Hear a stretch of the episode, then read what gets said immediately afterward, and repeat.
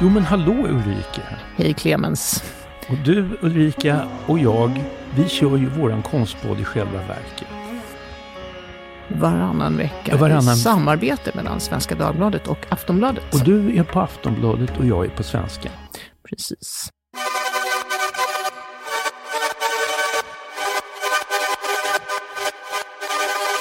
Och idag ska vi prata om eh, kändisar som gör konst. Ja, men kon- konstvärlden, konstverken verkar ju vilja få in eh, star power, eh, en ny, ny kraft i PR och marknadsföring.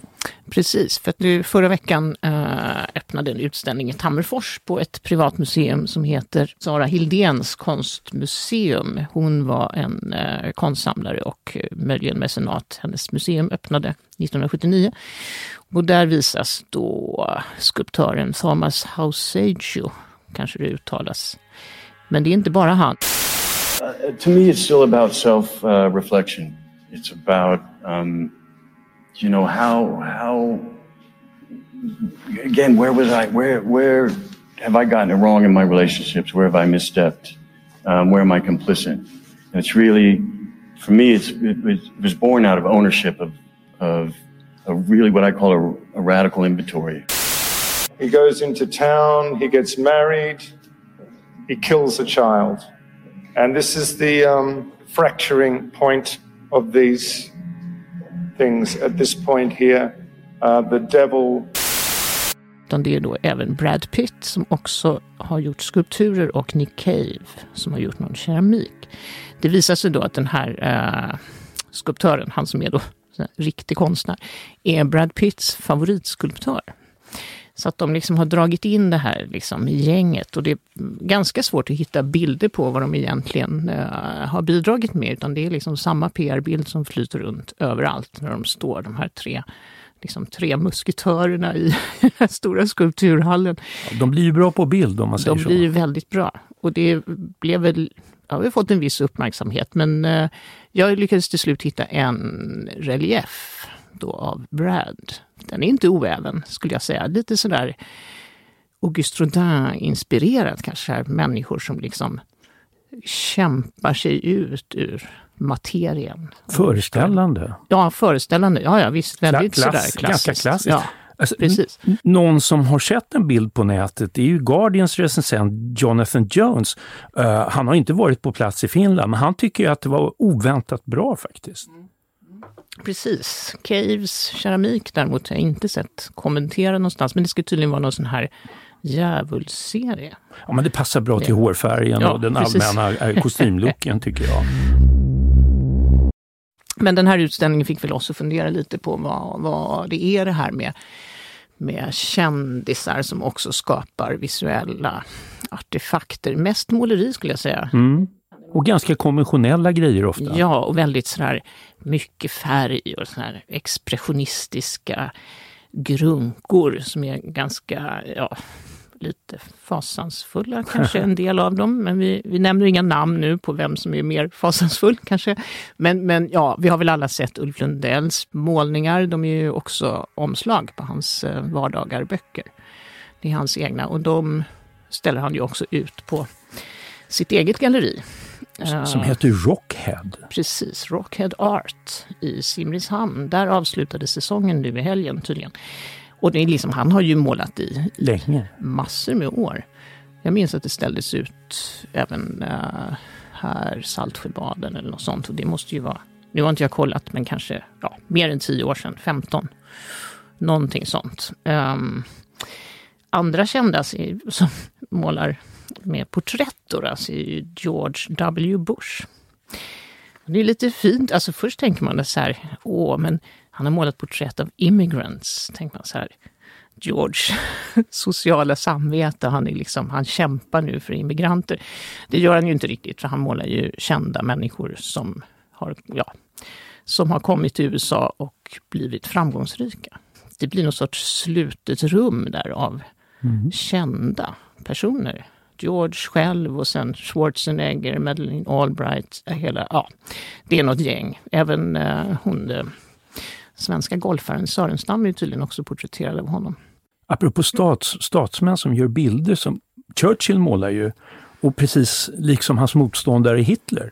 Just det, ja Hitler var ju, var ju nästan konstnär från början, eller hur brukar Ja, det var ju så. Man brukar säga misslyckad konstnär, Precis. men han sökte till konstskolor. Kung Charles III nu i sin Mm. tidigare i sin tidigare kropp som prins Charles målade och kanske fortfarande målar snälla akvareller som eh, många med arkitekturmotiv av diverse slott som familjen Mm. eh, i, ja, frekventerat.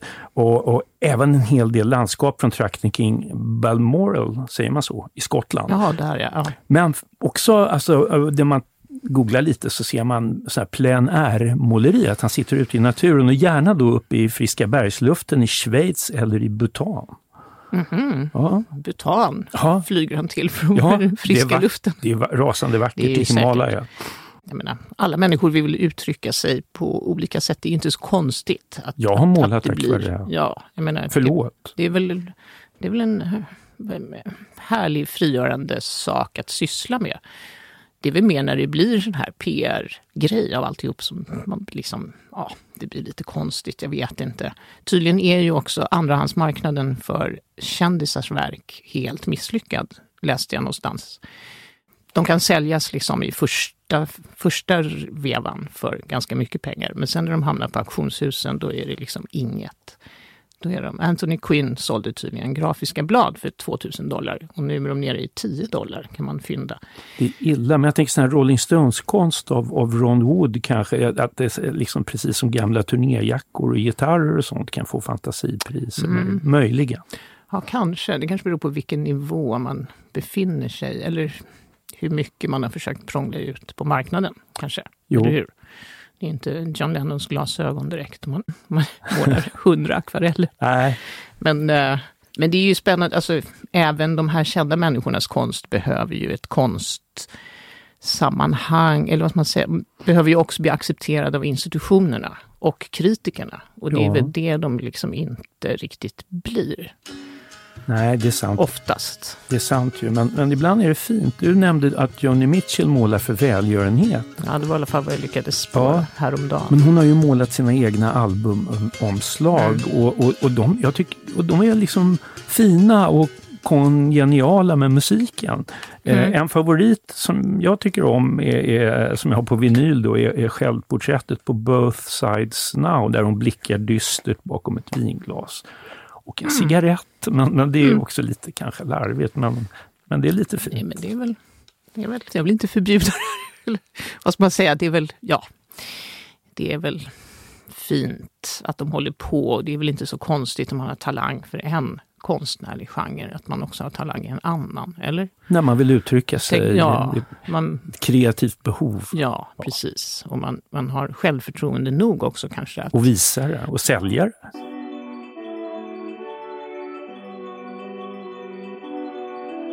Men eh, många av de här är också självlärda och det kanske är det som man då kan, ibland om man är elak, skrocka lite åt att det kanske inte alltid blir så fint. Alltså det handlar ju om att vara autodidakt och en autodidakt som slog sig in i konstvärlden utan att ha kändisskapets stämpel i pannan var Lars Vilks. Han var ju autodidakt som konstnär men han var en akademiker, disputerad eh, på konstvetenskapen i Lund tror jag. Eh, och, och att anledningen till att hans namn dyker upp här, det är en ny bok av Mårten Arntzen som eh, heter Konsten är vi och som släpps i dagarna på Fri Tanke förlag. Vi närmar oss ju också årsdagen av Lars Vilks död som är den 3 oktober på måndag. Oj då. Boken kommer väl i samband med det, tänker jag. Men den har vi båda läst. Ja, det har vi gjort. Den är intressant. Den är intressant.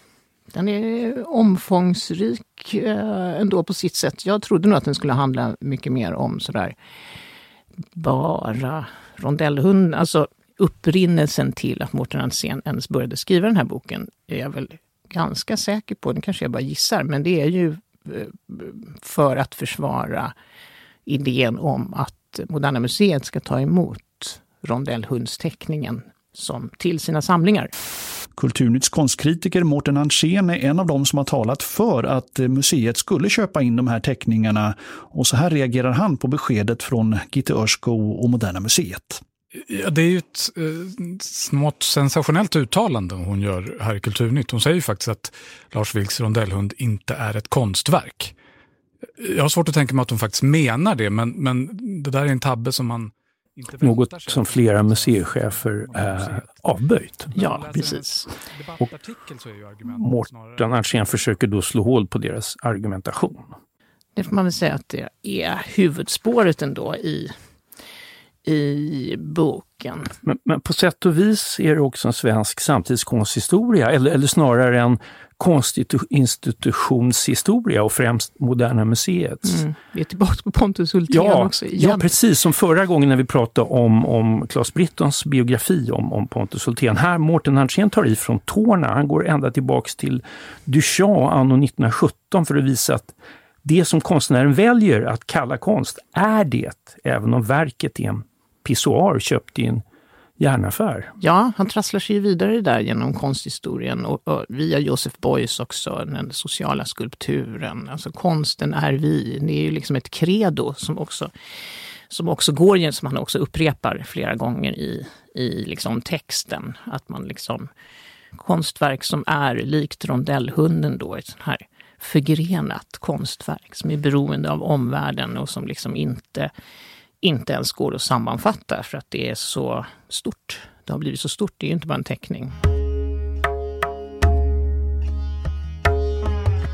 Nej, utan det ska ju då vara alla alla så mejl och, och, brev till Vilks och alla, alla tidningsartiklar och, och alla, vad vet jag, lönelistor för eh, polisens insatser. Ja, ja, Rubbet. Och sen så ja. om vi pratar om det, då blir ju vi också vi en också del av här. verket. Och då måste jag säga att jag vägrar bli gisslan. Jag vill inte vara, jag är inte med på det. det. Du har inget val. Nej, men jag säger nej. Du avstår från att vara jag, del av ett konstverk? Jag avstår från att vara del av just detta konstverk. Du tänker så här, konsten är ni, tänker du? Ja, ja konsten är du, säger jag, även om eh, upphovsmannen har gått bort. Okej, okay, jag förstår. Men eh, för att återvända till boken, så jag, jag, ja, jag tycker att det är en intressant bok. Jag har ju vissa invändningar. En invändning är ju såklart att eh, Lars Vilks själv har ju såklart, eftersom han också var konstkritiker. Han har ju kommenterat, framförallt på sin blogg, väldigt mycket om det här verket. Och hävdade ju då att det, det har aldrig varit riktat mot islam utan mot konstvärlden. Alltså verket var avsett att visa konstvärldens fördomar. Eller den politiskt korrekta, snälla konstvärlden som aldrig blir provocerad av någonting skulle då bli provocerad av det här verket, vilket det fick han ju rätt i, absolut. Uh, men jag kan tänka att det det blir, lite en, det blir att göra det lite enkelt för sig att bara gå på en konstnärs intentioner. Det är, så här, det är klart att verket hade med islam att göra. Det är klart att det liksom... Alltså jag tänker att receptionshistorien, hur verket tas emot, det, har en, det är också en del av verket ja, i så fall. Det ju. Ja, precis. Uh, och då blir det ju uh, alltså någon form av anti-islamiskt verk, vare sig upphovsmannen vill eller inte. Nej, precis. Och då, jag tänker lite att mm, Mårten Andrén har liksom skuffar ju undan det problemet ganska, ja, ganska rejält. Han tar ju inte upp sånt som Lars Vilks kritiserades för då under de här åren. Alltså till exempel att han deltog i den här högerextrema konferensen i New York. Det var ju en stämning här. Man pratade, det är ju ingen tvekan om att det är mångkulturella, är man emot islam, muslimer. Man jämförde till och med muslimer med råttor som skulle utrotas. Alltså jag har ju inte något emot att de framträder. Alltså för att det visar ju ändå att eh, det låter sig då sägas i en sån här församling. Ingen protesterar direkt. Det är ju... Du befinner dig som konstnär i en sån församling och du reagerar inte. Ja, alltså jag, kan inte, jag kan inte göra någonting åt det. Res sig upp och gå till exempel och säga att det här vill jag inte vara med om. Att man pratar om människor på det sättet. Att man gör sakerna en tjänst där. Det hade kunnat vara en del av ditt konstverk. Att, uh... att göra så. Det nämns ju lite grann men det, det tas liksom inte... Det, det sopas lite under mattan. Eller ja, det, komplexiteten i verket tycker inte jag görs rättvisa i boken. Men det är ju inte heller bokens ärende. Bokens ärende är ju att diskutera uh, den politiskt korrekta museivärlden ju. Och, och då får inte det här plats. Och det tycker jag kan vara en liten... Det är lite ironiskt med tanke på att Mårten Andrén också vill ha en komplex konst. Jag gillar verkligen de avsnitt han skriver om att det är det som är det roliga med konst. Det är att man inte kan läsa av den på en gång utan det är liksom konstverk kan förändras när man ser dem igen och de kan betyda olika saker för olika människor. Det är det som är, liksom, det som är spännande. Men samtidigt så förenklar han ju Lars Vilks verk.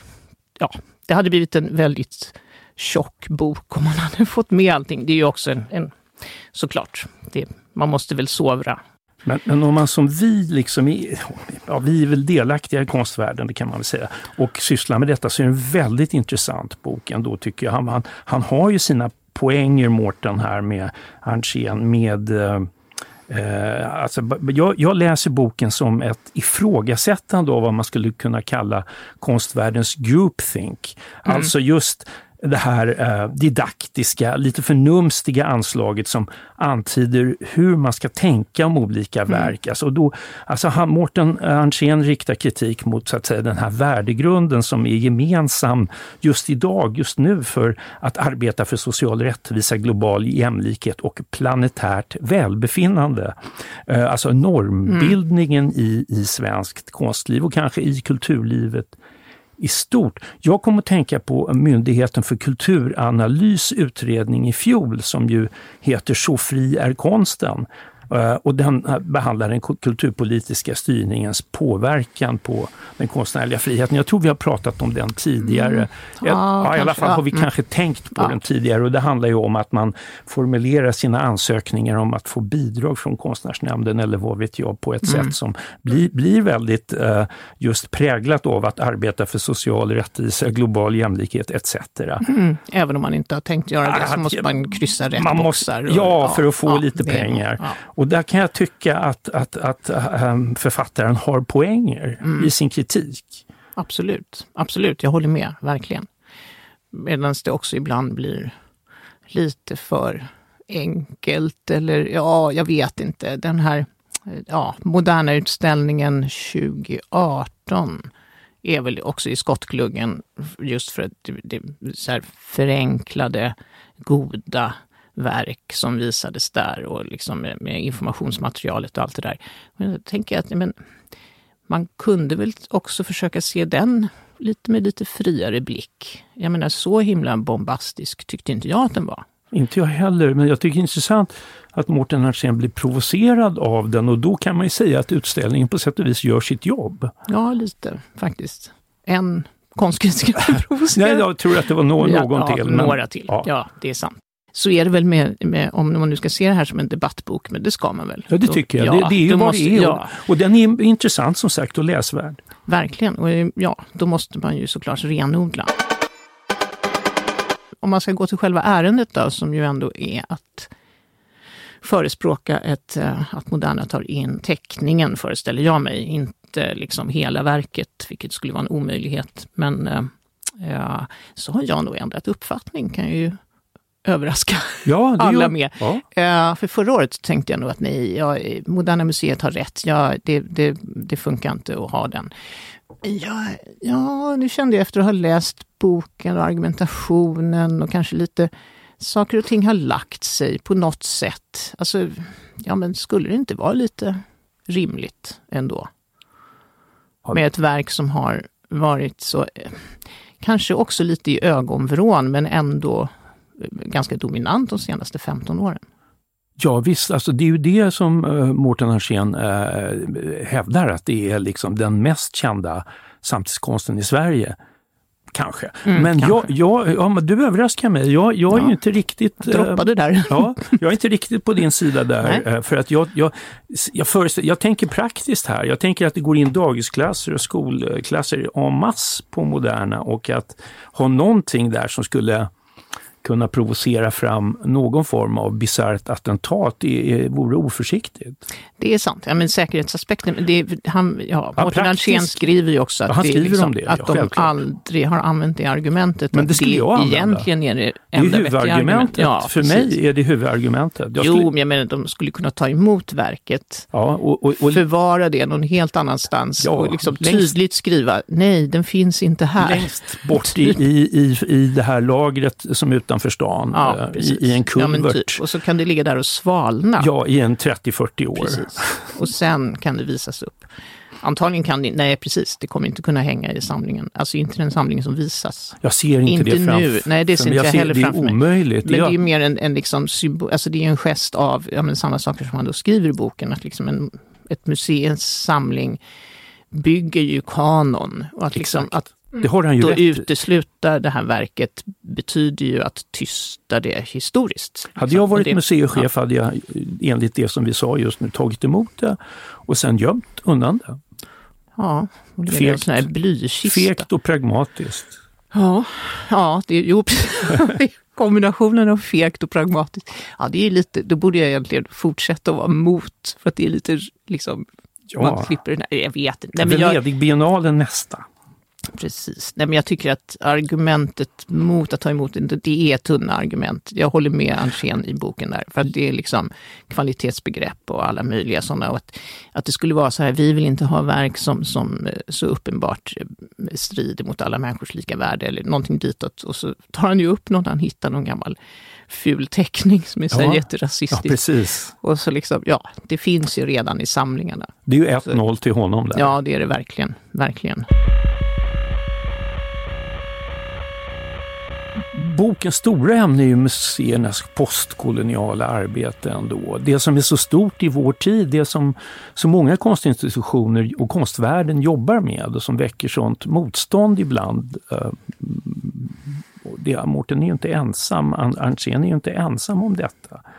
Ehm, jag tänker att, att ehm, han, han, knyter ju an till, till flera debatter i, som pågår alltså i lik, ska man säga, politiskt korrekt mm. likriktning i universitetsvärlden etc. etc. Ja, precis. Och det, ja, det här som kom också när Nationalmuseum öppnade om skyltarna, att de var sådär, lägger historien till rätta och så. Ja, precis. Hela den diskussionen är ju med. Och där, texten under Karl XIIs lik, likfärd. Då, som, mm, den läser jag ju om och om igen. Ja, jag kan fortfarande inte se vad det är som är så upprörande. Det är för att jag är så hjärntvättad. Väldigt välskriven. Eh, det här verket har ju använts på många olika sätt och det tycker jag är fint att redovisa. Ja, det är väl klart det är. Det fin, det, genom boken tycker jag kanske, eller genom de resonemangen tycker jag kan känna något sånt här att, att Andrén på något vis ser en historia som någonting avslutat och sant som liksom aldrig kan omtolkas. Jag vet inte riktigt. Det, det, jag tycker att det är väldigt märkligt. Men däremot kan jag hålla med om att de här skyltarna på framförallt samtidskonstmuseer som, som verkligen lägger tolkningen till rätta för betraktaren. Jag vet inte, när jag såg sådana först, jag tror det var på Tate Modern, och det, då är det 20 år sedan eller något sånt. Alltså att den liksom vuxit från att bara skriva så här, det här är den här konstnären och teknik, titel och lite, lite kanske om konstnärens biografi, till att bli det här verket betyder det här och det här. Det har vi talat om nu. Och det, är störande. Det är museet är som ett, en, en, institution som en dagispersonal så att säga. Ja, som, precis. Som ska tala om precis hur det ska tolkas. Så här ska du känna inför ja, Det, det måste ju ändå finnas en avvägning där. Man kan ju liksom förklara. Det kan ju finnas fakta som man måste känna till för att överhuvudtaget komma i närheten av att förstå ett verk. Jag tror Andrén har något exempel där i boken som lyckade skyltar också. Men, men den här väldigt tillrättalagda du ska förstå det här verket så här. De är, ja jag vet inte, jag tycker att det är lite det är konstfientligt. Ja. Och det, det, kan, ju, kan man ju tycka är elitistiskt då, för att liksom, åh, för du är ingen vanlig betraktare så att du behöver inte det här. Fast jag tror inte det faktiskt. Jag tror att alla kan väl behöva se konsten med lite egna friska ögon ändå. Jag har förstått att de här texterna, åtminstone mm. här i Stockholm, de filas och gnussas och skickas jo, jo. fram och tillbaka i timmar och dagar. Det kan jag också föreställa mig. Och jag är väldigt glad att jag inte författar de där texterna. Samma här. Usch ja, vi är, vi är friare människor på det sättet. Verkligen. Det är skönt. Men, men vi omfattar då konstvärldens nebulosa av politisk korrekthet, eller? Ja, det gör vi väl. Nej, jag vet inte. Ja, antagligen. Sedd utifrån så gör nog jag det. Eller hur? Ja, det gör jag väl. Jag Ja. kan känna mig träffad av Anséns bok, men inte provocerande. Eller? Nej. Nej, jag tror inte det faktiskt. Nej, jag Nej. tänker att jag klarar mig, eh, fast han kanske skulle säga någonting annat. Jag Mm. vet inte. Antagligen.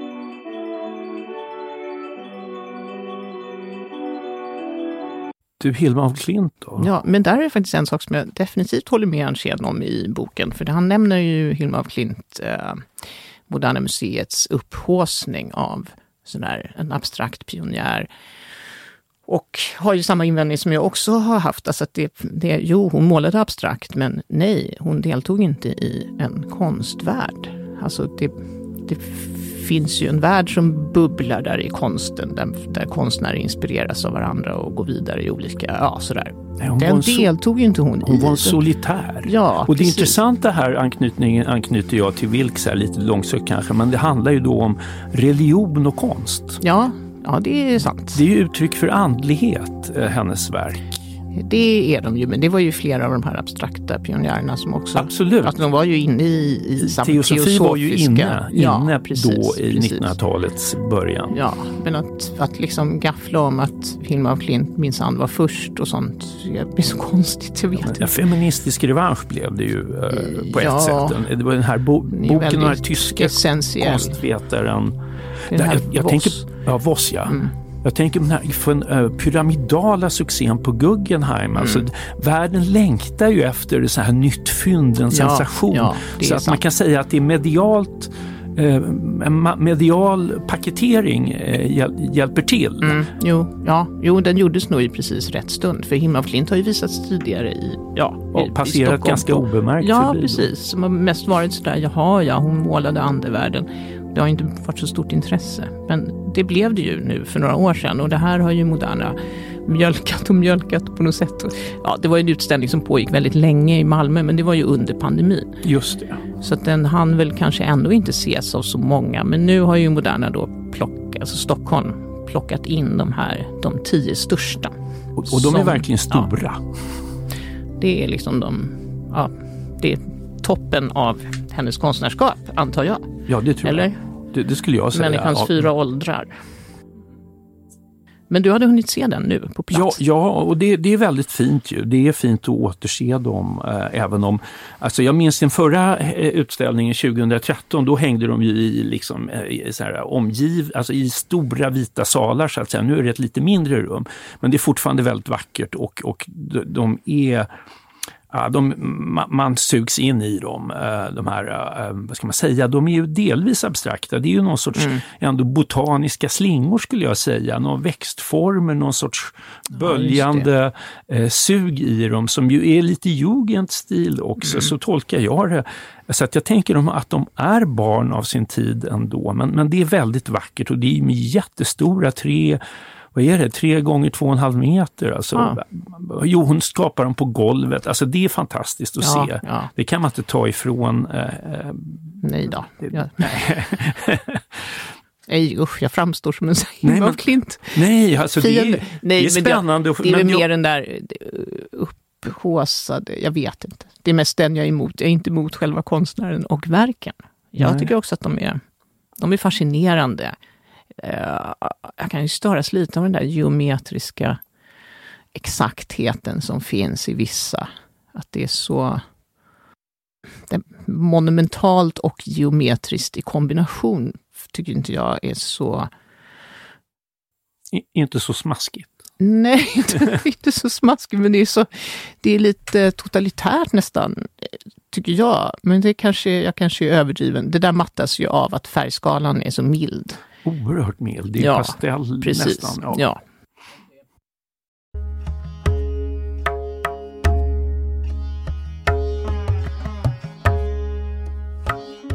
Det har ju inte jag hunnit, för jag var i Göteborg istället och såg en utställning om bilar.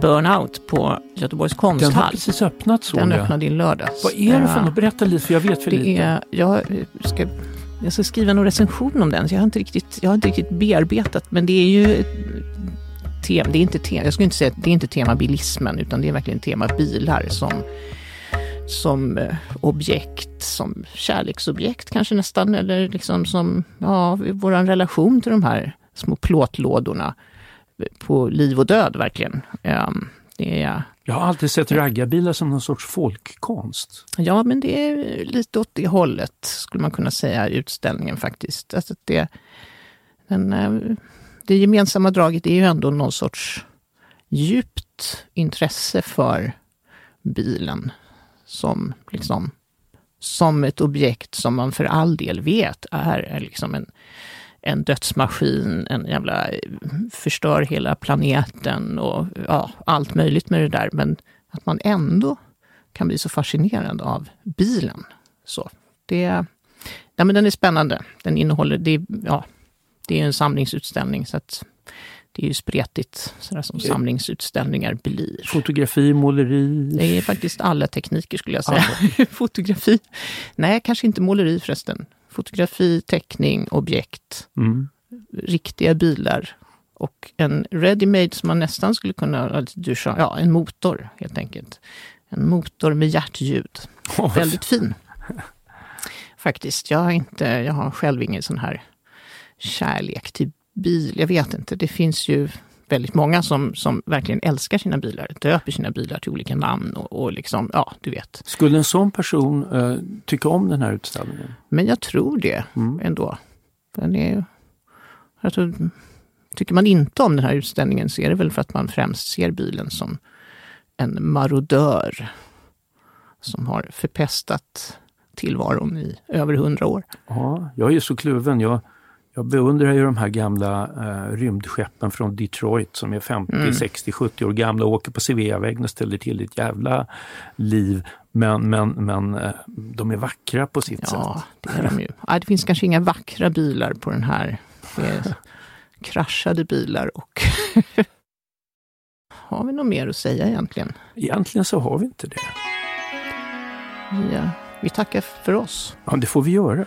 Och eh, ja, nästa gång så blir det då eventuellt, eh, eller troligen, en gäst istället för dig Clemens. Det stämmer. Ja. Alltså kommer det handla om artificiell intelligens? Det kan handla om det. Ja, men det är ganska Artificiell intressant. intelligens och konst. -huh. Spännande. Ja, tack för oss. Tackar. Podden produceras av Martin Ågård. Du har lyssnat på en podcast från Aftonbladet och Svenska Dagbladet. Ansvarig utgivare är Anna Karenborg.